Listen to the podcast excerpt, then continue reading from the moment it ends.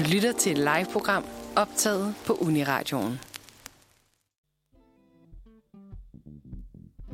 Godmorgen derude. Velkommen til Manfred. Det er onsdag morgen, og din værter i dag er Sofie og mig, Eline. Hvad så. Sofie? Er ret godmorgen? Ja, stille og roligt, synes jeg. Det, øh, ja, det har bare været endnu en af de der morgener, hvor jeg sådan vågnede og været lidt træt. Måtte gnide mig lidt i øjnene, og så øh, afsted. Hvad med dig? Som her. Det Ja. var en af de der morgener, hvor man kom lidt for sent op, så Ja. man skulle løbe lidt efter bussen. Ja. En af de, en af de morgener. Ej, jeg kender virkelig godt de morgener der. De er altså sådan øh, lidt hektiske, men sådan på en eller anden måde, så vågner man også bare lidt mere af det. det er rigtigt. Men øh, det er jo første gang, du sender radio herinde, Line. Ja, jeg er helt ny. Ja, det er virkelig spændende. Velkommen til uh, Manfred onsdag, Tak. som jo er vores dejlige redaktion.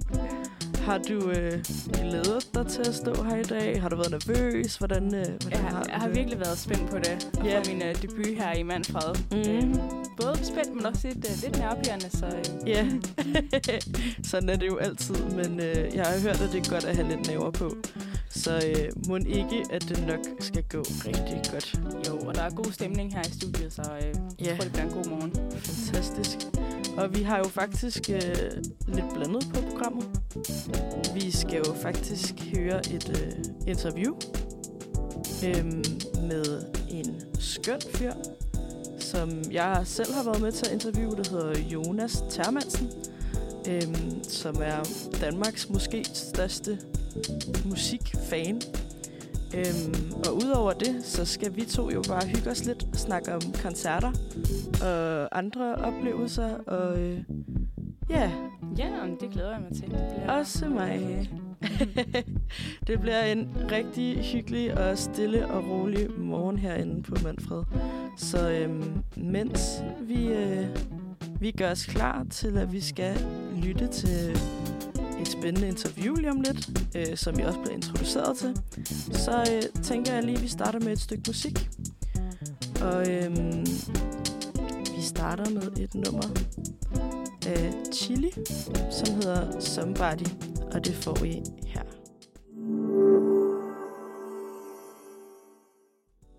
Nu skal vi til noget rigtig spændende, Eline. jeg, jeg glæder mig allerede. Også mig. Vi har jo øh, haft en helt særlig gæst herinde i studiet. Øhm, nemlig det, vi har valgt at kalde Danmarks vildeste fan.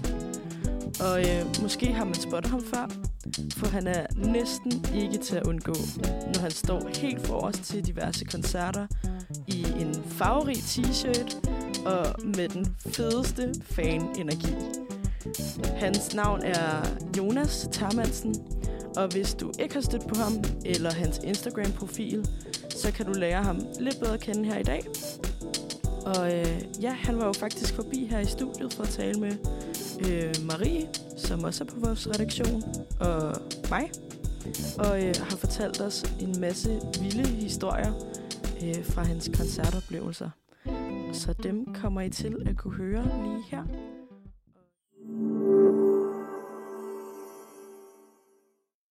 Hej alle sammen. Vi står her i studiet, og det er faktisk eftermiddag, selvom I måske lytter med her til morgen. Og det er mig, Marie, og Og mig, Sofie. der står i studiet. Og yes. vi har simpelthen fået en helt særlig gæst i studiet. Det er jo sådan, at jeg var faktisk ikke øh, for så lang tid siden til koncert i Byhaven. Og så står jeg faktisk sådan, måske lidt i midten, og op foran, så spotter jeg bare den her fyr i en orange t-shirt, der bare er så energisk. Har simpelthen den fedeste energi og en virkelig, virkelig cool connection til de artister, der står og spiller her. Øhm, og måske skal vi bare løfte sløret for, hvem det er. Ja, det er jo dig, Jonas. Vil du introducere dig lidt, øh, hvem du er og hvad du går og laver? Ja, jeg er Jonas. Jeg er softwareingeniør til dagligt, og i fritiden, når jeg er færdig med det hele, så lukker jeg min bærbare sammen, og så skal jeg ud og have de fede koncertoplevelser, fordi jeg sidder bare derhjemme, eller på arbejde hele dagen, og lytter til fedeste musik i mine høretelefoner. Og når jeg er færdig med det, så er jeg bare hyped, og så skal jeg bare ud og opleve alt det, som jeg bare har gået og lyttet til hele dagen. Ej, hvor er det dejligt. Og når du så sidder der og arbejder, er der noget særligt musik, der ligesom får, øh, får dig lidt op i gear? Ja, altså, jeg elsker en god banger. God Øh, banger. Det, ikke? Men jeg elsker også de stille sange og slags ting. Altså bare, hvor man kan føle til det. Hvor der er gode lyrics, man kan connect med. Mm. Teksterne i sangene betyder rigtig meget for mig. Og når jeg så er færdig med, med det hele, så er jeg bare hyped. Og jeg, jeg er klar til at komme ud og opleve en hel masse. Hvor er det dejligt. Så kan man sige, at øh, når du arbejder her øh, som, som ingeniør, er det så for at få råd til at komme til alle de her koncerter? Det hjælper helt sikkert på det. Altså, det, er- det var bare arbejde, jeg har haft i mange år. Mhm. Mm. Det med koncerter er lige godt lidt nyt. Det er kun fire år egentlig, jeg har været rigtig meget i gang med det. Mm. Men at have et godt, stabilt job, det er jo, det er rigtig fedt. Absolut. Men når man sidder sammen med en masse folk, der har koner og børn, øhm, og ikke er så seje, så har man også nogle gange lidt brug for at øh, komme ud fra arbejdet, og så bare komme ud i det fri, og så bare have en rigtig fed fest. Og det er jo så dejligt også, fordi jeg synes virkelig, du er en sej person. Og du har en masse seje oplevelser i bagagen, som jeg tænker, at vi skal øh, høre meget mere om. Men vi kunne starte med at høre lidt, høre lidt musik. Jeg har jo bedt dig om at vælge et par sange, som vi skulle spille her på Uniradioen i dag. Så vil du starte med at introducere det første? Ja, jeg synes, vi skal lytte til Dajani med hendes sang Johnny. Det er en af mine aller yndlingssange her fra i år. Den er mixet fantastisk. Hun er absolut sindssyg på den live. Og hun er en af vores allerdygtigste upcoming stars herhjemme. Og jeg elsker hende bare så meget. Så hende skal vi høre. Ej, hvor dejligt. Ved du hvad, så får I nummeret her. Og så fik I simpelthen hørt Dajani med nummeret Johnny. Og øh, altså, jeg ved ikke, jeg synes, vi havde en lille fest herinde i studiet. Havde vi Altså, ikke det? kæmpe dansefest-vibe herinde. En banger, som du også selv siger, Jonas. Jeg kan ikke stå stille til hende. Det, Ej, det var så Dajani, virkelig så skal godt. det altså up and down. Det forstår Og jeg fandme godt. generelt, ikke også? Altså, når du er til koncert, så har vi jo oplevet, at du virkelig har den her vilde energi. Men jeg kommer til at tænke på, altså, du tager til så mange koncerter. Det har jeg blandt andet set lidt på dit Instagram. Mm. Hvor mange øh, koncerter har du været til, for eksempel her sidste år?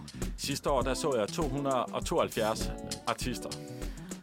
Wow. Holy shit. Så, Og i år, der kommer jeg nok meget vel over 300. ej, hvor er det vildt. Også fordi, altså, hvis man så siger per dag, altså, det er jo virkelig mange koncerter. Det er det, men du skal også huske festivaler, så kan man også se uh, 10 artister på en dag. Det er, Det er selvfølgelig sandt rigtigt. Men nu fortæller du, at du har været til virkelig mange koncerter henover de sidste år, og skal til endnu flere henover, altså sådan resten af året. Men hvordan, hvordan starter sådan en passion? Hvad er den første koncert, du ligesom har været til, hvor det er begyndt? Ja, da det begyndte, det var i 2019. Det er fire år siden efterhånden. Ja. Og det startede egentlig med, at jeg ikke tog til koncerter overhovedet, men jeg sad på YouTube og jeg så nogle live-optagelser fra nogle af mine yndlingsartister, og jeg tænkte, ej, det så ret fedt ud. Jeg gad godt være typen, der var der. Mm. Og så så jeg en af mine yndlingsartister, Marina and the Diamonds. Hun gik på tur i 2019, og jeg bare, ej, hende har jeg elsket i 10 år. Hende skal jeg se live. Ja. Men hun kommer ikke til Danmark. Så jeg tænker, okay, øh, hun kommer til USA. Øh, og jeg har arbejdet over i USA sammen med mine kolleger derovre, så jeg kan tage på forretningsrejse derovre. Så, Ah, så, så hvad jeg gør, det er, okay, jeg, jeg ser Marina, hun kommer til Seattle. Jamen, så Ja. køber jeg VIP-billet i Seattle. Og så siger jeg til min chef, hey, uh, må jeg komme på forretningsrejse de her dage? Og så fandme ikke, om uh, jeg får lov at, at få en all expenses paid tur over og, og se hende. Damn! Ej, hvor er det, Det, sindssygt. det var største lifehack nogensinde. Um, Wow. Så har jeg en god rejse derovre, jeg kommer over. Og så um, jeg er til VIP, er det første koncert, jeg rigtig har været til i, i lang tid, ikke? og jeg møder de andre fans. Uh, vi står udenfor og venter i lang tid i regnen, før vi bliver lukket ind. Mm-hmm. Og så kommer vi ind, og det er bare så skønt, vi får en masse merch, vi kan tage billeder og det hele. Og jeg, jeg havde ikke øh, visionen om at komme i front row eller noget som helst. Det var bare sådan, jeg var bare glad for at være her. Og vi kommer så ind i salen, og så får vi besked, at vi skal sætte os ned. Og Ja. der skal være en brandvej i midten af hele salen. Okay. Øh, fordi de er meget øh, striks om sikkerhed. Mm. Så, Ja. vi, øh, så sidder jeg der lige ved siden af brandvejen i tredje række, og jeg snakker med nogle af mine, nye venner, jeg har fået her. Ja. Og så går øh, går koncerten i gang, men vi må ikke være i den her brandvej, indtil koncerten går i gang. Mm-hmm. Og lige akkurat det øjeblik, hvor den øh, går i gang, så ser jeg simpelthen min snille til at bare løbe hen i front center. Øhm, Okay, ja. så også er kommet tidligere hele. Og så lige pludselig så står jeg der front center med en af mine aller yndlingsartister. Og jeg, og Marina, hun er altså også bare mit celebrity crush nogensinde. Nå, ja. Ikke? Og- Ej, hvor og så står jeg vanvittigt. bare der lige pludselig front center med min celebrity crush, der bare står der og synger til mig. Øhm, Og så blev du bare taget helt med. jeg blev helt bjergtaget, ikke? Altså, det, det er der, hvor jeg har mit udtryk fra, at koncerter og transformationer, fordi de, mm. de ændrer os på en god måde. Mm. Og det var en af de allerstørste transformationer. Det var den koncert, der gjorde mig hvad jeg er i dag på mange måder. Ej, det er så smukt. Også fordi det er jo nemlig det her med, at, at vi oplever også, at du står forrest hver gang, stort set. Er det fordi, den her oplevelse måske har sat sådan et særligt indtryk på dig, eller gjort et særligt indtryk på dig, så, øh, så du måske vil genskabe det, når du er foran? Ja, blandt andet. Men Mhm. mm. jeg synes også, at hver oplevelse er, er sig selv værd. Ja. Jeg gør det, fordi at jeg stiller mig for os, hvor at jeg ikke skal tænke på de andre. Jeg, tænker, jeg er fuldstændig ligeglad med dem, der står bag ved mig. Jeg står her og har en connection med min superstar, der står op foran. Jeg står der og føler, at lyrics synger med, og nogle gange syng, synger de til mig. Ja. Og så står jeg bare her og føler hele, og så danser jeg lige så meget, som jeg synes, musikken fortjener. Ja. Så jeg kan godt stå øhm, med, at der er ingen folk bag ved mig, og så kan jeg lige stå og hoppe og danse, fordi jeg synes, det her det er fucking fedt. Og øh, så kommer andre folk hen til mig, når de ser, at jeg er en fest, så vil folk gerne være med, og så lige pludselig så har jeg fyldt front row op, og så står vi alle sammen og har en stor fest sammen, hvor der ikke var en fest før. Altså, du bringer altså også bare festen, må man sige. Men noget, som også kan sætte en fest i gang, det er jo lidt musik. Mm-hmm. Mm. Øh, Jonas, vil du øh, introducere et, et nummer mere? Ja, det synes jeg. Vi skal lytte til øh, Oland med Artist Don't uh, Smile. Og Oland, hun er fantastisk. Det får en historie med om lidt. Ej, den glæder vi os så meget Sikke en til. teaser. Uh. I får i hvert fald nummeret lige her. Og så er vi simpelthen tilbage fra et lille stykke med Oland. Og øh, du fortalte faktisk lige en, en lidt fun fact omkring øh, Olands nye album. Hvad, hvad var det det? Det var, at Olands nye album tager lige så lang tid at lytte til, som at komme fra lufthavnen i Denver til Denver Downtown. Jeg lyttede til den der for første gang, da jeg lige var på den rejse, og lige akkurat det øjeblik, jeg kom til hotellet, så var albumet færdig. Og jeg synes, det var så sjovt, at jeg skrev til Oland, at det var tilfælde, at hun sendte mig bare lidt loft tilbage. Hvor er det fedt. Så hvis man nogensinde skal på den rejse, så put, uh, put Oland på. Du, uh, du får den hele turen. Var det også fedt, at du siger, hun har sendt love tilbage? Ja, Altså, fordi Shit. jeg har de sjoveste historier med Oland. Det, nu skal I bare høre. Ja. Ej, vi er så klar. Så sagen er, at jeg har været fan af Oland i rigtig mange år, over 10 år, helt da hun kom tilbage ud med de originale albums. Men jeg har aldrig set hende live før. Mm. Og hun havde travlt med X-Factor og muligt, så hun var faktisk ret svær øh, at se live. Men jeg fandt hende på en lille festival ude foran øh, Roskilde Herslev Bryghus. Okay. Og der spillede hun en koncert, og det var der, jeg fik lov at se hende for allerførste gang. Og jeg kommer bare med øh, min vilde energi, som jeg altid gør. Og jeg står og har det så fedt over, at jeg endelig får lov at se alle de gamle bangers og alt det nye. Ja. Og så bagefter, så går jeg over i merchboden, og jeg snakker med hende. Og så siger hun, ej, jeg kender dig. Hun, hun genkender mig. um, du er inden for DR. Og så, ja, Åland, hun tror simpelthen, hun, at hun har genkendt mig inden for X-Factor eller ikke eller andet. Jeg tror simpelthen, du er journalist, eller? Ja, øh, hvor eller er eller ikke? Hun, hun tror Ja. simpelthen, at hun kender mig. Men det gør hun ikke. Hun har aldrig mødt mig før. Men skal, skal du så ikke bare lege med på den? Ja, jeg i rette sæt hende. øh, men, Okay. men det, var, det var lidt sjovt. Hvorefter i næste er, så sagde jeg til hende, alt det, du har i det merchbud, det skal jeg have. Okay. Fordi jeg så, at hun havde en hel masse gamle vinyler og CD'er med, som er rigtig svære at få fat i. Okay, vanvittigt. og så så jeg, det her det er min chance til at få en samling af Oland-ting, som, øh, og hun kan jo signere det lige nu. Det er rigtigt. Så jeg køber simpelthen alt, hvad hun har. Og så Altså, går det du tømmer simpelthen merchboden? Ja, ja, ja. Et øh, af hver stykke, ikke? Men, Alright, ja. men, og så siger jeg til hende, okay, men så skal jeg også have det med hjem, men jeg har egentlig ikke nogen taske med. Uh, og så, så ikke om hun så giver mig en gratis mulepose, øh, som ellers vil have kostet en 100 kroner ekstra for at få sådan en tote bag, fordi de er altid så, så dyre, ikke? Så får jeg en gratis tote bag med, som Åland giver til mig. Og så, så står jeg bare her resten af festivalen med min Åland vinyler under armen, og så står jeg og hopper og danser og prøver at passe lidt på dem, men øh, de, de får lidt tæsk. Okay, ej, det, det kunne man godt forestille sig. Måske er taktikken næste gang, så at købe, købe merch efter. Ja, og hvad, og hvad der så sker, det er så, at jeg ser hende afskillige gange efter, Mm. og hun er stadigvæk svær at få fat i. Altså, her i Okay. år så er hun på tur, som jeg også har billet til, men dengang så måtte man virkelig jagte efter hende. Ja. Så jeg finder hende i Kulturhus, øh, i Kulturhus i Hvidovre, hvor hun spiller en åbningskoncert. Ja. Og jeg stiller mig allerforrest, som altid, og står bare der Hvad? og har en fest. Hvor lang tid efter er det her? Uh, Det, det er her sidste år. Ah, okay. Så er det sidste år. Ja.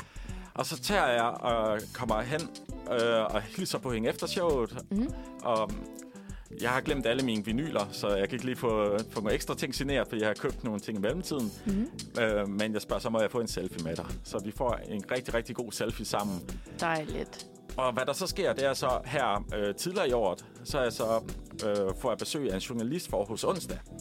Okay, altså hvordan, hvordan kan det være, at den journalist har fået øje på dig? Kan du huske det? Jamen, han fandt mig gennem ins- Instagram, Ja, øh, inde på min profil, Jonas Termansen. Øh, Ja. Og så han bare synes, jeg var mega fed. Der var en historie her.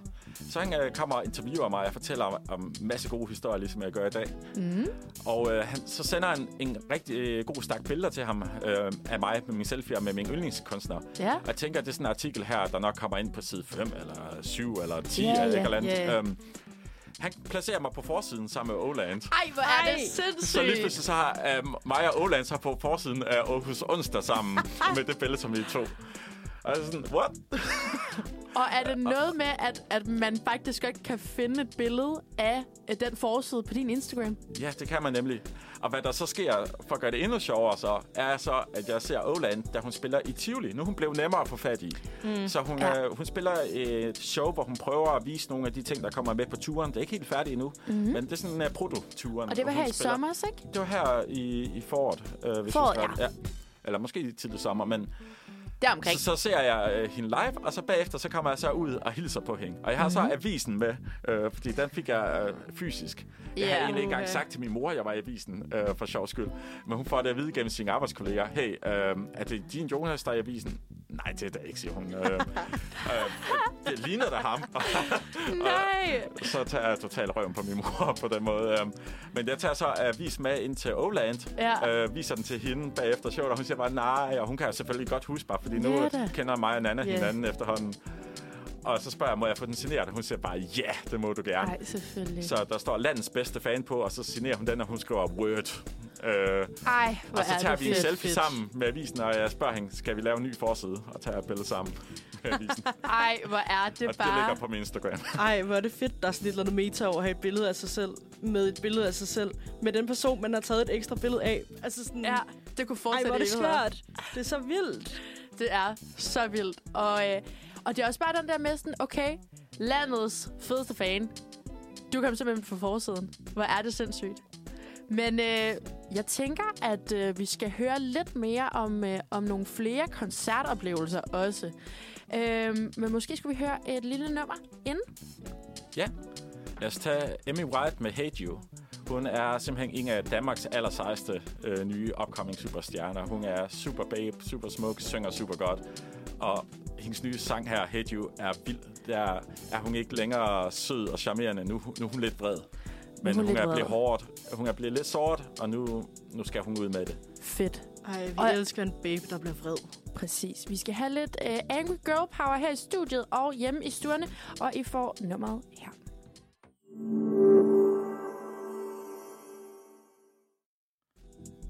Kæft, man, jeg elsker altså bare det her med, at lige gitaren kommer på her til sidst på, på Emmy White.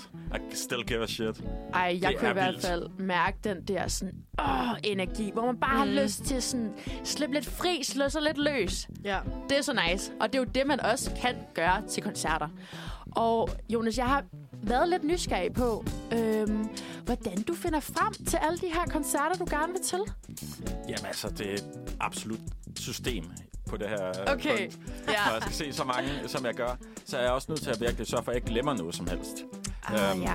Så det hele starter egentlig med, at jeg måske sidder og lytter til radioen. Så sidder Mhm. jeg og lytter til, hvad bliver der spillet der. Hvis jeg synes, det er fedt, så tilføjer jeg dem ofte på Instagram. Okay. Og så sidder jeg og lytter til dem.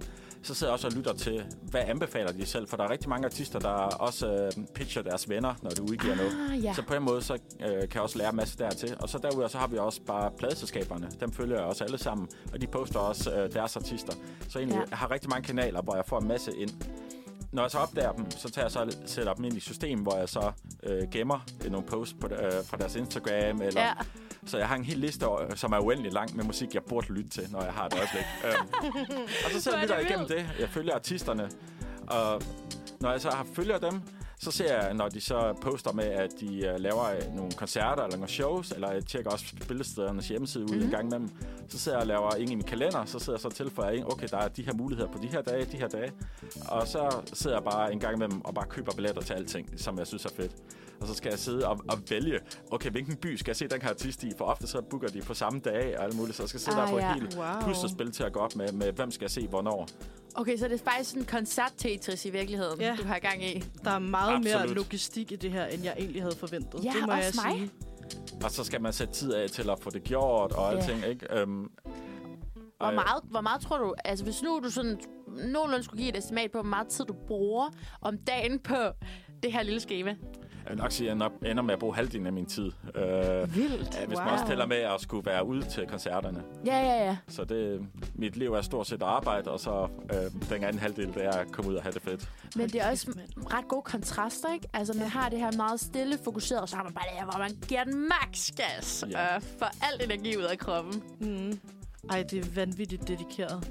Ja. Jeg tænker også bare, at du må have et kæmpe kendskab til den danske musikscene, så nu når du nævner, at du blandt andet har øh, været på forsiden med Åland, men du snakkede også om, at du jo faktisk har billeder med flere danske artister.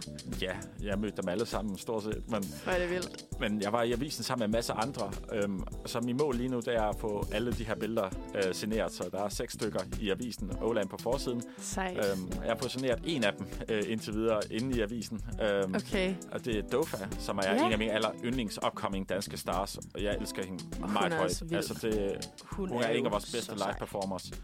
Og jeg har en god historie her. Så her i foråret, øh, så tog jeg til Berlin. Fordi Ja. jeg skal jo se Avril Lavigne, som jeg har elsket i rigtig, rigtig mange år. Ej, og hun, det er som om, hun har fået et vildt comeback. Det var som om, hun forsvandt lidt, og nu er hun fandme tilbage. Altså nu er hun bare love sejt. socks, og det Ja. er så, så fucking sejt. Ja. Så jeg tager og øh, køber billet til Berlin, og jeg flyver derned.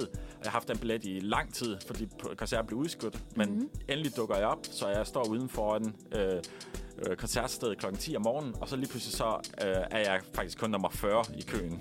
Øh, så folk har virkelig været der i Wow. tidligere om morgenen. Men jeg møder en masse andre søde fans, så vi har en god oplevelse.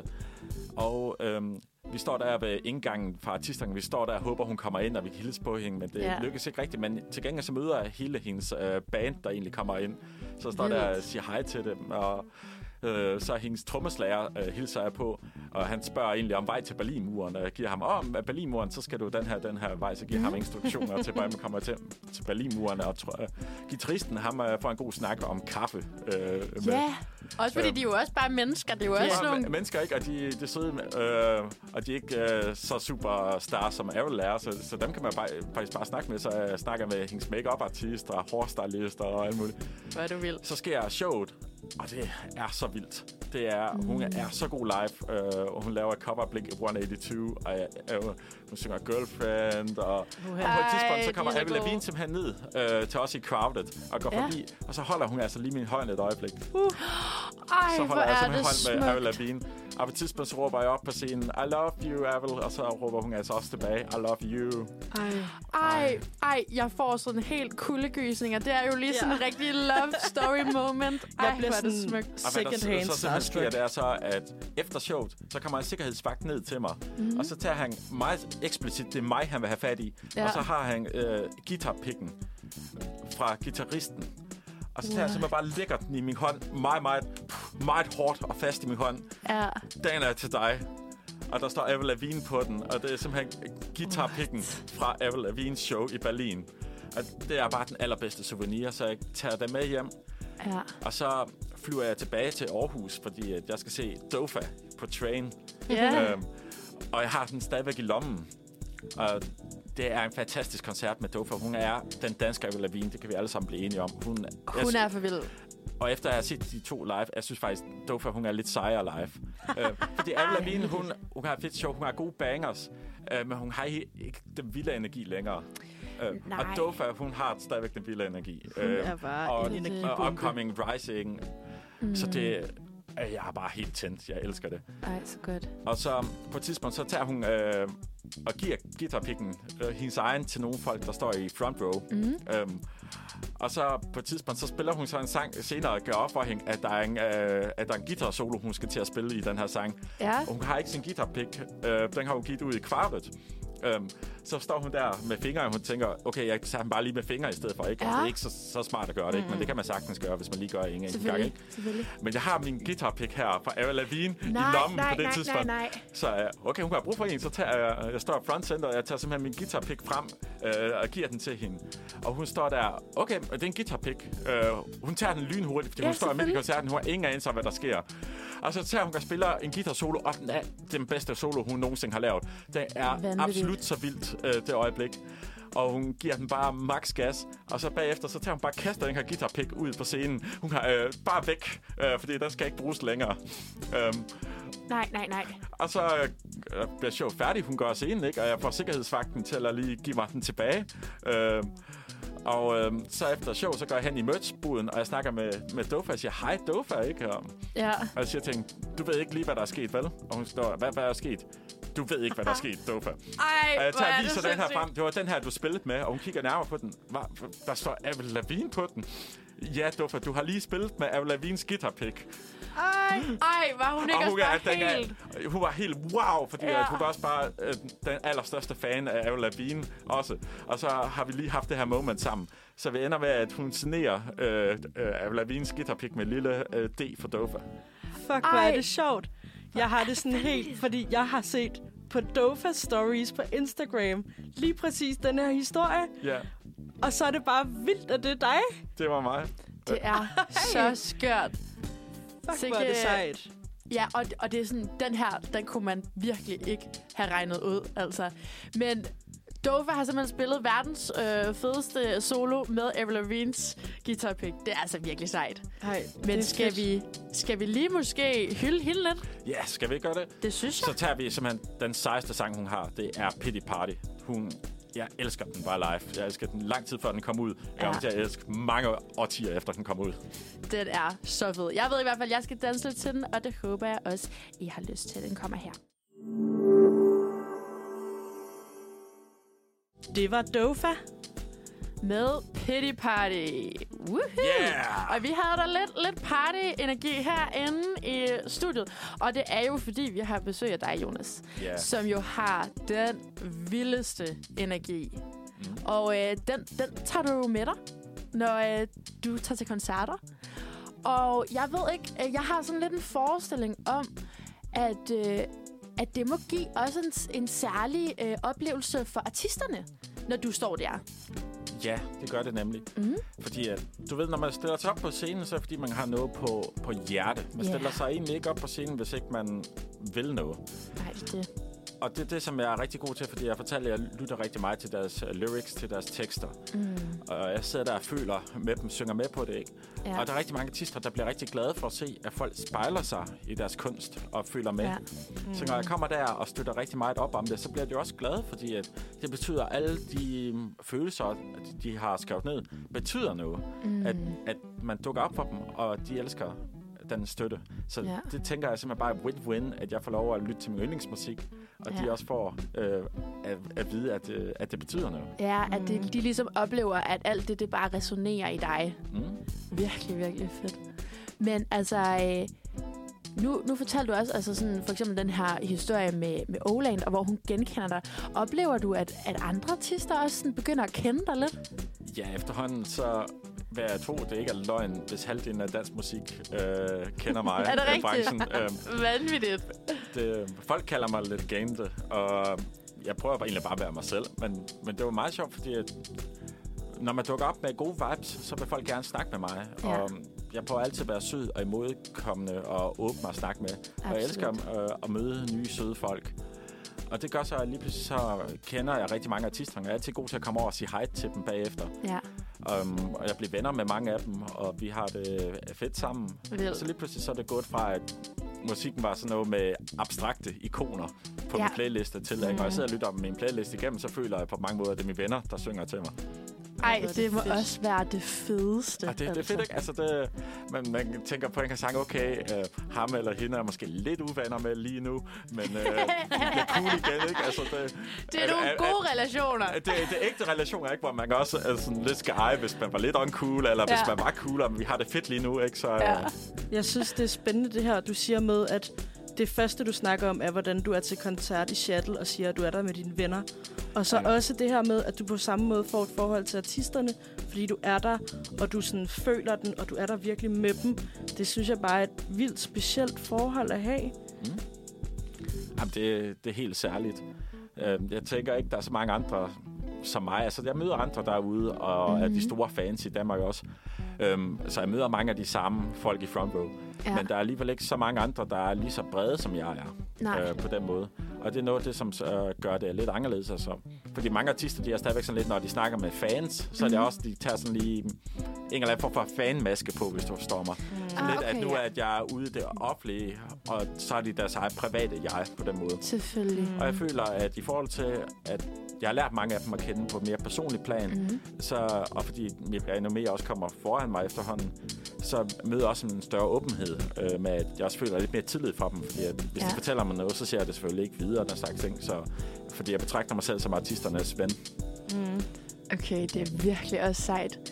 Øhm, er der nogen sådan andre særlige øh, møder med artister, du sådan husker? Ja, altså jeg har haft mange øh, sjove øh, ting. Ja. En af dem, jeg synes var ellers øh, sjovest, det var med, med Tessa faktisk. Okay, ej, hun er også bare en baddie. Ja, jeg, jeg, jeg elsker. Tessa meget højt. Ja. Øhm, så det var her tilbage i december, mm. og jeg havde øh, en date øh, den aften, Ja. øhm, og den gik i vasken. Ah, Øhm, så Det jeg, jeg havde få, vundet to billetter til Tessa, og mm. så står jeg der alene. Um, Mhm. jeg havde måske, måske ville jeg normalt bare have kommet tidligt og stille mig i front row, men Ja. øh, jeg t- tænkte, jeg tog, tog det stille og roligt den aften. Så stiller jeg mig bare lidt bag i, i femte række på, på train. Ja. Lige op på højning, hvor jeg godt kan se det, ikke? Og så alle de yngre tøser, de står nede foran og har deres fest, og jeg står her om bagved og bare viber lidt i dagens anledning. Ja. mm. Øhm, men så kommer Tessa på scenen, ikke? Og så kan jeg ikke lade være med at stå og hoppe og danse og have det Ej, fucking fedt, ikke? ikke. Fordi at det kan godt være, at jeg stiller mig i femte række, men hun kan stadigvæk Tessa. Ja, ja, ja. Ja. Så jeg står der og har det øh, ret fedt. Øh, og så er jeg sørme ikke, om Tessa lige pludselig får øje på mig under sangen Egangspik. Øhm, og så står, øh, så der Alright. har jeg et moment under Egangspik. Det, det er også lidt et nummer at, at have et moment og det er også en, en sang om, at der er en, en i kvartet, der gerne vil, ikke? Ja. Øh, de lever ikke ret, ret fræk, ikke? Og så står jeg her moment med hende under den. øhm, og så efter den sang, så øh, siger Tessa til mig, I love you. Du øh, giver max gas, du er crazy. Og jeg siger bare tilbage til Tessa, du er awesome, Tessa. Og hun råber tilbage til mig, nej, du er awesome. Ej, Og vi har bare et totalt moment øh, sammen der. Ja. Og sagen er så den, at man også kunne have vundet en meet and greet med Tessa den aften. Nå, Men det gjorde okay. jeg ikke. Ej, Det vandt jeg ikke. Okay. Øhm, men jeg står og snakker med, i merchbuden øh, med en eller anden fyr, der lader, lader til at være ikke eller andet. Øhm, det viser sig, at det var Tessas manager, øh, Jesper Levid. Øh, Okay, ja, og det, jeg- det ved man jo godt. Og jeg er Den er- slags af fan, altså nu var jeg fan af mange hundrede artister, så er jeg ikke altid i stand til at sætte mig ind i alle detaljerne om. Nej, selvfølgelig. Så jeg vidste ikke rigtigt, hvem Jesper er. Det ved jeg nu. Jeg har sat mig ind, og jeg har set Ja. hele Tessa-dokumentaren igennem. Måske er det også Øh. meget godt ikke at vide, hvem han er, så, så man ikke bliver sådan øh, skræmt. Nej. øhm, så står jeg og snakker med ham, og vi har, øh, har det fedt, og han er sød, jeg er sød, og vi sidder og snakker om Tessa, han fortæller historier fra de gamle dage, mm. Øh, mens øh, det her meet and greet sker, og så bliver meet and greet bliver færdig, ikke? og han, han beslutter for, at han godt kan lide mig. Ja, Så siger jeg, dejligt. okay, du må godt få 30 sekunder med Tessa, fordi hun er træt, og hun skal hjem, og øh, man skal også lige passe på hende, fordi hun bliver øh, helt op og køre efter en Ja, koncert, sådan ikke? overstimuleret Øh, måske ikke? også lidt. Og hun skal også lige have sin ro, fordi øh, det er meget vigtigt. Um, men han lusker mig sim- simpelthen backstage øh, inde på train, og jeg kommer ind Fedt. om bagved. Og så bliver jeg lukket ind til Tessa lige pludselig. Og så står hun bare der, og hun genkender mig. Ja, Øh, selvfølgelig. og, og så giver hun bare det allerstørste kram nogensinde. Og Ej, vi står bare der og snakker, og hun er simpelthen bare så sød i personen, ikke? Fordi hun er så fierce i, i sin sang. Ja. Men hun har faktisk et rigtig, rigtig sødt hjerte, når det kommer Ja, til stykket. Man skal behandle hende ordentligt, og hvis man behandler hende ordentligt, så er hun on your side. ja. Mm. Øhm, og vi står bare her og, og connecter, og jeg fortæller hende alle de gamle historier. Jeg fortalte om dengang, jeg græd til en Tessa- Tessa-koncert, hvor jeg står på Northside og hun synger øh, sit vers for tættere, end, øh, end vi tror. Ja. Tilbage fra corona, hvor jeg sad Ja, derhjemme. præcis. Ikke? Og så hun synger den her sang fra coronatiden, og jeg står der bare og græder med, at jeg står i et crowd her med 10.000 folk, og nu er vi sammen igen. Ja. Og det rammer mig så hårdt, at jeg fortæller hende det, og hun bliver simpelthen bare så glad. Det Så vi tager nogle selfies sammen, og vi får... Øh, og hun giver mig de allerstørste kram. Og de her 30 sekunder, det ender med at blive 5 minutter, fordi vi bliver bare ved med at snakke. Ham Jesper, han tænker lidt, nu skal jeg få smidt ham Jonas ud. Men Tessa bliver ved med at have det sjovt nok med at snakke med mig, at øh, jeg får lov at blive. Prøv at så længe hun nyder dit selskab, det er jo det vigtigste. Det er lige præcis det. Altså, jeg vil rigtig gerne snakke med artisterne efter showene. Men hvis de ikke vil, hvis de er trætte, så er det også helt fint. Altså, jeg respekterer altid deres grænser. Men jeg vil, jeg vil altid måske lige tage chancen. Ja, også man er, man er nødt til at tage nogle chancer en gang imellem. Det er Ja. så vigtigt. Men øh, nu hvor vi lige har fået den med, skal vi høre et stykke musik mere, Jonas? Ja, det synes jeg. Jeg synes, vi skal høre Ike med Glide. Det er simpelthen en af mine yndlingssange øh, her i år. Det, den, det er fantastisk. Den er så umådelig catchy. Øh, jeg så dem live her på Uhørt Festival, og det var fantastisk. Jeg så dem live i Byhaven også. Og Helene, hun er simpelthen øh, den allerbedste danser nogensinde. Jeg giver dem vild energi til en koncert, men jeg kan ikke matche hendes energi. Hun kan danse mere, end Hold jeg da kan. Øh, Wow. Jeg har prøvet at udfordre mig selv til at prøve at danse lige så meget, som hun kan, men det kan jeg ikke. Jeg, jeg dør, hvis jeg gør det. Hvor er det dem vildt. skal I se live. Hun kan det. Wow, jeg glæder mig til at opleve den her energi en dag, fordi jeg synes jo, du har den vildeste. Men øh, skal vi ikke lige høre nummeret? Det skal vi i hvert fald, og så kan det være, at vi skal overveje til, til koncert, Sofie. Ja, det vi synes får i hvert fald øh, Ike McGlide lige her. Vi fik lidt mere partystemning her i studiet, som om der ikke var nok. Men Jonas, nu har vi jo hørt om nogle ret, ret vilde historier. Altså med nogle særlige oplevelser, du har haft i, i forbindelse med nogle koncerter. Men jeg tænker også lidt på, altså, hvad er så den vildeste koncert, du nogensinde har været til? Oh, jeg har været til så mange absolut vilde koncerter. Ja. Jeg føler, at de danske, en af de sejeste, vi har, det er Mø. Jeg så Uh, hende yeah. her i Oh, den yeah. grå hal i oktober 21. Og jeg står der allerforrest, og jeg står der og bare synger Live to Survive med hende. Øh, Jeg hun elsker tager, den sang. Hun tager sætter benet over på barrieren lige foran mig. Og jeg står bare der og synger med hende i mikrofonen. Og så lige pludselig så Mø. Hun tager bare og sætter et andet ben op på min skulder. altså lige pludselig Mø kravler bare op på mig. Og så så jeg ikke om lige pludselig hun crowdsurfer. Ikke? Det er første gang, jeg ser hende live. Jeg vidste ikke, hun crowdsurfer, men lige pludselig Mø kaster sig selv efter mig. Øhm, det var en absolut stor... Altså, det, jeg, jeg vil nok sige, at det er den største af de danske, vi har herhjemme. Men hvis vi skal snakke det internationale, Ja. så skal vi forbi Roskilde Festival. Den Yes, er, sir. Ej, og der er ikke noget, vi elsker mere end her på onsdagsredaktionen end festivaler. Det er Nej, vi så glade for, at du vil dele med os. Nej, så det fedeste, det var her sidste år på Roskilde Festival mm. 22. Jeg står her aller, aller forrest på orange scene, og Dua Lipa, hun går ud på scenen. Oh my lord. Hun kommer gående ud øh, af catwalken under hendes sang Good and Bad, hvor hun holder en pause lige midt i sangen. Ah. Og hun står og kigger ud med horisonten. Kigger på de 85.000 folk, der står der. Ja. Hun står der, og hun siger, oh, so many beautiful people here tonight. Uh, og så tager hun lige pludselig og kigger ned på mig. Like the guy over there in the blue cap and checkered shirt. I've been keeping my eye on you tonight. You are a cutie. I'm going to give you my attention. All of my attention. I dedicate this song to you tonight. Så lige så er Dua Lipa, hun går ned på knæ for mig og synger Good and bad, but damn, we know how to fuck, siger hun, mens at hun kigger mig i øjnene. Ej, hvor er det sygt. Jeg blev jo sådan helt svag i knæene nu. Det blev Altså jeg også. sådan, jeg er helt mundlam. Jeg var så mundlam, øh, at jeg var så starstruck. Det eneste, jeg kunne finde ud af, det var at tage min mobil frem og optage det. Ja. Jeg var sådan, oh shit, jeg står lige pludselig her og bliver lagt an på af nok verdens smukkeste kvinde. Ej, hun og er så lækker. her. Ja. Og, hun, og det outfit, øh, den grønne kjole den aften, det var simpelthen noget af det mest hotte nogensinde. Altså, det er... nu er hun celebrity crush. Det, Ja. øh, Det står jeg godt. hvor er det vanvittigt. Jeg kan heller ikke forestille... Altså, nu har jeg aldrig oplevet noget lignende, men det der med sådan... Virkelig få sådan, den her, den er dedikeret til dig. Og, og det der, der er absurde i mit liv, er, at jeg var bare gået fra, at de her superstjerner, de er jo noget absolut abstrakt, noget uopnåeligt, ikke? Ja. Og lige pludselig så når jeg til et sted i mit liv, hvor at de smukkeste popstjerner kaster sig selv i mine arme. og, og, vanvittigt. what? How is this life? Men tror du ikke også, det har noget at gøre med sådan, det, du sender ud i verden? Og det er det. Altså, jeg står og smiler sødt, jeg synger med, og jeg giver de bedste vibes. Ja, Og, og det er den bedste måde at være menneske på, synes jeg. absolut. Mm. Jeg stod her øhm, sidste år øh, i front row i Store Vega med Ja. Tove Lo. Og, og hun elsker. står der, jeg ser hende for første gang, og jeg, jeg står bare der og synger med, jeg har det fedt. Hun har lige udgivet et nyt album, jeg har ikke nået at lytte med til alting endnu, men ja. Jeg kan synge med på en del af det.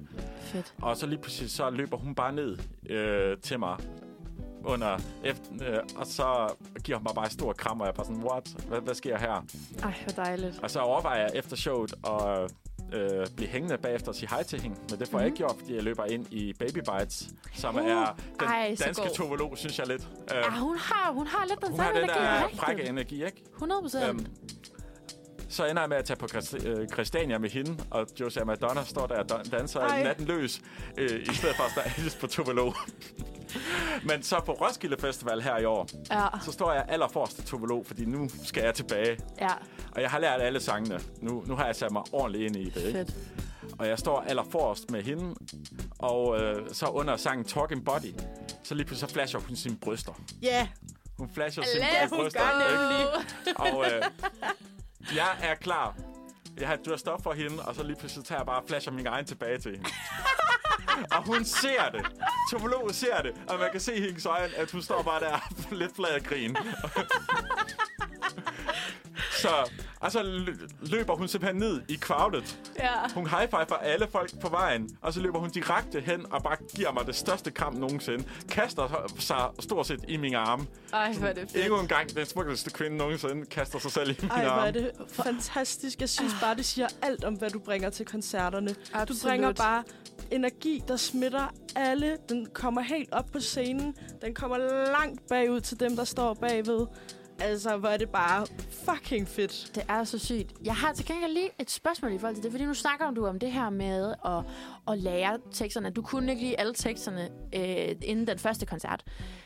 Altså, sætter du tid af sådan lige en dag til bare at sidde og tappe øh, lyrics, eller?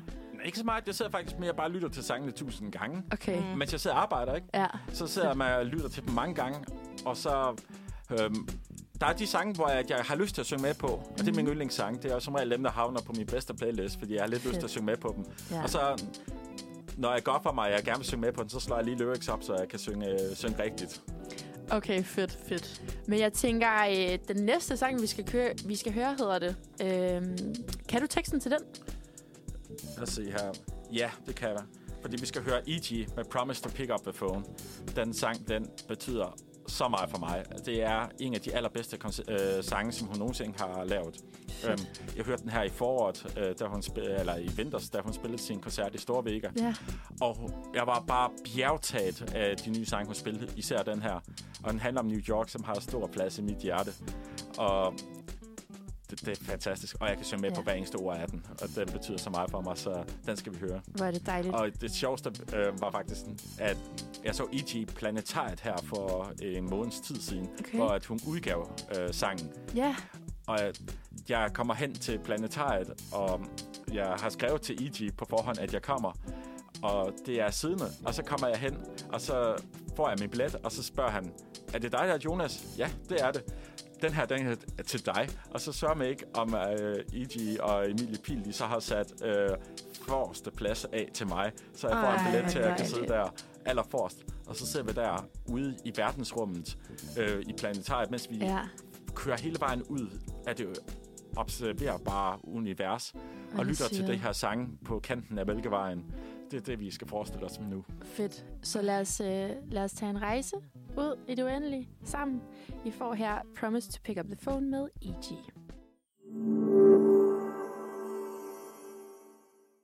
Wow, et smukt nummer, vi lige fik, fik hørt her. Jeg stod bare og sang med hele tiden. Ja. Jeg elsker Emma så højt. Hun øh, bad mig en gang om at komme til 1000 koncerter. Så jeg er nok op på 7-8 stykker nu. Um, så okay. jeg har lidt beregnet på det, at jeg bliver nok nødt til at se 20 EG-koncerter om året, øh, hvis jeg skal gøre det i min levetid. um, Så Emma, øh, send, send nogle gratis billetter, okay? Ja, ja. Nu har vi lige sendt den ud i verden i hvert fald. Jeg Du håber, der kommer noget til. øh, du Ja, det- nævnte også lige, at du havde været med i en musikvideo. Ja, det sjove ved den her sang, um, Promise to Pick Up a Phone, det er jo, at musikvideoen er en collage Ja. af alle mulige gode oplevelser og dårlige oplevelser. Jeg må bare oplevelser fra Igis liv. Mm. Og fordi jeg har været til så mange af koncerterne og stået aller forrest, så er jeg også med i musikvideoen. Øh, tre forskellige gange, så kan man se mig stå nede i front row. Jeg er især med lige i slutningen øh, fra Store Vega, hvor hun lige har Ja. spillet den her sang, hvor man lige kan se mig et kort øjeblik stå der og bare være sådan helt mind-blown over, at hun lige har spillet Promise to Pick Up a Phone. Ej, hvor er det fedt. Det Mega er godt. så sejt. Men nu har vi jo hørt en hel masse om dine koncertoplevelser og anekdoter med øh, forskellige kendiser, hvor jeg står her totalt starstruck. Ej, det er så vildt. Men vi har jo faktisk undret os lidt over, Maria og jeg, hvordan du gør dig klar til en koncert. Hvordan får du dig selv kørt op i den energi i? Hvordan kommer du allerforrest ind til koncerterne? Ja. Hvad, hvad gør du på koncertdagen? Har du en guide, du kan give videre til os? Absolut. Altså, for de allerstørste koncerter, så kan det være hele dagen, man skal bruge på det. Ja. Og det starter jo et lang tid i forvejen med, at du ved, man skal finde kunstneren, man skal lære teksterne. Øh, behøver man ikke at gøre, men, du, Men alt, alt, hvad gøre godt. for at gøre sig klar, ikke? Mm. Nogle gange kan man finde på noget crazy noget, som at tage et skilt med, eller ikke eller andet, ikke? Let's go. Det er jeg ikke været så god til, men den anden dag, der så Emmy White, så havde jeg skilte med, hvor jeg bare stod der og, Fedt. og viste frem, ikke? I'm so fucking friendzone. Ikke? Altså, det var så, så sejt, ikke? Um, men når man så endelig dukker op på, på dagen, så afhængig af koncerten, så kan, skal man komme i god tid. Mm. Og et godt tegn på det er for eksempel, at der er udsolgt, eller måske der er få billetter. Men Ja. også, hvor hurtigt det bliver udsolgt, giver en god indikation på det. Ellers så skal man kende fanskaren og vide, hvor dedikeret det er. Fordi Ja. øh, mange af dem, der dukker op, er også det, som er målgruppen, at det er henvendt til. Så de Mm. ting, der henvender sig til de yngre, skal man komme tidligere. Til de ældre kan man komme lidt senere. Ja. Danskerne plejer som regel at komme en time før. Så hvis man kommer to timer før til Store Vega, så har man en rigtig god chance. Så gør, gør du tit det, altså kommer to timer før? Ja, okay. Men jeg kommer som regel tidligere, fordi det, det kommer før de andre, som, som tror, de smarte, ikke? Ja, ja. Men øh, nogle gange har jeg siddet der fra klokken øh, 8 om morgenen, eller øh, jeg var til et daggry øh, fra Paramore, og jeg var nummer 91. Øh, Uh. Ej, hvor sindssygt. Så- Og, og så kom du helt op foran til den også? Anden række. Jeg det er synes, svært at komme jeg af synes med det er godt 91, nok. men, men i hvert fald, kom i god tid er et godt tegn. Ja. Men det er også rigtig fedt, fordi dem, der kommer tidligt, er også dem, der er dedikeret fans, du ved. Mm. Og det er en af de ting, det kan godt være, at man har en yndlingsartist, men man kan ikke overtage sine venner til det, eller... Men hvis man dukker op tidligt, så Ja. dem, der står aller forrest i køen, er også dem, der er dedikeret, og man har allerede Ja. noget til fælles med dem. Og det er det, jeg sagde med venner, ikke? Man kan nemt få nye venner til koncerter, Yeah. ikke? Ved at man bare siger, hej, jeg hedder Jonas, jeg er stor fan, øh, min yndlingssang er Ikkerland, du ved. Hvem Ja. er det, så falder man i snak med folk. Og det er en af de vigtigste ting for at komme i front row, faktisk. Um, Okay. fordi at det er rigtig hårdt hele dagen at stå i kø, ikke? Du ved, man er udmattet, man er måske lidt Ja. ja. sulten, man skal tisse, du ved. Og så... Det vigtige er, at man laver en lille team her øh, mm. i køen med, at vi har hinandens ryg. Især Ja. hvis man ikke kender nogen, du ved. Ja, selvfølgelig. Og så øh, det vigtige er så, at man kan komme hurtigt ind, når dørene åbner sig. Så en god ting er at sørge for, at man har billetten klar. Man har skruet op for lysstyrken på skærmen. Yes. Ja, tak. Øhm, hvis der er sommer, og man ikke har behov for det, så lad være med at tage tasker med, lad være med at tage jakker med, fordi hvis man kan undgå garderoben på nogen som helst måde, så kan man spare den tid. Det er meget vigtigt. Okay, det er også et, et godt trick, faktisk. Og så at vide øh, ruten ind igennem øh, salen, øh, op til salen, er ret vigtigt også. At man ved, Ja. øh, for eksempel i Vega, hvilken trappe man skal tage, øh, og den slags ting. ja. Så vil jeg Øh, kortlægge det inden. Ja, ikke? Øhm, Ja. Og når man så har en rute, så kan man så tage og, og skynde sig øh, på den. Og jeg har... Sidste gang, jeg var i Store Vega, der kom jeg fra øh, indgangen op foran Store Vega på 48 sekunder. Shit. What? Det var Hvor er rekorden. det vanvittigt. Um, og det krævede øh, planlæggende tid og en svullet sprint. Uh, og det var engang det hurtigste, mm-hmm. jeg, jeg kunne have gjort. Ja. Øh, men det er i hvert fald min rekord indtil videre. Hvor er det vildt. Når man så øh, står derop foran scenen, så er det vigtigt lige at stille sig ind og gøre noget plads. Det er ret vigtigt at lige øh, tage sine ben, stille dem meget bredt, Okay. og, og også lave brede skuldre. Albuerne ud. For, ja, Mm. fordi at, lige når man kommer op, så står alle folk og kæmper sig ind. Og det er der, Ja. hvor folk de skal anerkende, at de er andenrækkes personer. øhm, nej, men altså, der, der er her Ej, jeg slags folk, det. øh, Ja. som rigtig gerne vil være i forreste række, Ja. men de gider ikke at have dedikationen til at komme tidligt nok. Ja, ja. Og så står de der og håber lidt, de kan komme ind i sidste øjeblik, og de står og klemmer sig ind, og kan godt være lidt, lidt træsse, faktisk. Ja, det er ret Ja. Så der er så lidt, ikke? Øh, dem, der kommer tidligere, er som regel faktisk ret nice, og der er dem, der kommer lidt senere, de kan faktisk være lidt ikke nice. Ja, dem der, som prøver at møve sig igennem, ja. men ikke rigtig har haft overskud til at sidde der i kø i så lang tid. Ja. Ja. Øhm, og, så man skal lige øh, lave brede albuer, og så vise, at det, det er min plads. ja. Fordi der skal man så stå sammen med dem, man lige har mødt i front row. Selvfølgelig. eller mødt i forrest i køen. Mm-hmm. Og øh, vi har hinandens øh, back, og vi holder pladserne. ja. Mm. Og når man så bliver venner med dem, man har stået der fem minutter, så kan man så sige, jeg går lige i baren eller ud og tisser. Ja. Og så holder de altså pladsen til en, og man kan stole på hinanden. Mm. Og, og så når man så går ud gennem crowdet, så er det en god idé at sige, jeg kommer tilbage, jeg kommer tilbage, så folk lige har set en. Ja. Så når, fordi når man kommer tilbage, måske er der kommet øh, fjerde række eller femte række på, de har ikke set en før. Når Ja. man så kommer tilbage, så tror de, man møder sig igennem, hvis ikke de lige har set en gå ud igen. Ja, ja, ja. Øhm, Men oplever du så, at folk de faktisk giver plads til dig, når du så går tilbage igen? ja, det gør de. Ej, hvor dejligt. Øhm, men man skal lige sørge for, at alle er ops på en og den Ja. slags ting. Ja. Så hjælper det. Og det, det her det er et tips til de helt store koncerter. Til de mindre, så er det meget, meget, meget nemmere. Ja. Øhm, øhm, men det, det er alle de her pro-tips, ikke? Og så står man er der under koncerten, og man har det, det fedt. Nu står jeg så i front row, og ofte så kan jeg finde på at tage noget øh, lyst tøj på, fordi jeg føler mig faktisk mere confident i det. Ja. Øh, men det gør mig egentlig også mere synlig. Og, Altså og for det eksempel også, den orange trøje, jeg så dig i Ja, ikke? i Byhaven. Ja. Ja. Og det er også lidt, øh, lidt skræmmende, at folk de ser en. Men efter at have gjort det her i fire år, så er jeg også bare vant til, at folk ser mig, og jeg accepterer det. Jeg synes Ja. også, det faktisk er ret fedt, fordi at det åbner døre med, spændende folk kommer hen og siger, hej, øh, hvad, hvad sker der her? ja. Mm. Og så siger jeg, jamen jeg er Jonas, jeg, jeg har det fedt. Øhm, og så lærer jeg nogle nye spændende folk at kende på den måde. Og så artisterne, de ser mig også, når jeg er synlig dernede. Og så øh, bagefter showet, så kan man så øh, stå, og så tager de og deler setlisten ud, for eksempel. Øh, Mhm. Kan man så bede om, kan jeg få den? Nogle gange så får man en guitar pick, som jeg nævnte tidligere. ja. Så hvis man lige bliver hængende bagefter, så kan man måske få nogle af tingene op fra scenen, hvis man Ja. spørger meget pænt. Øh, det er der også lidt konkurrence med.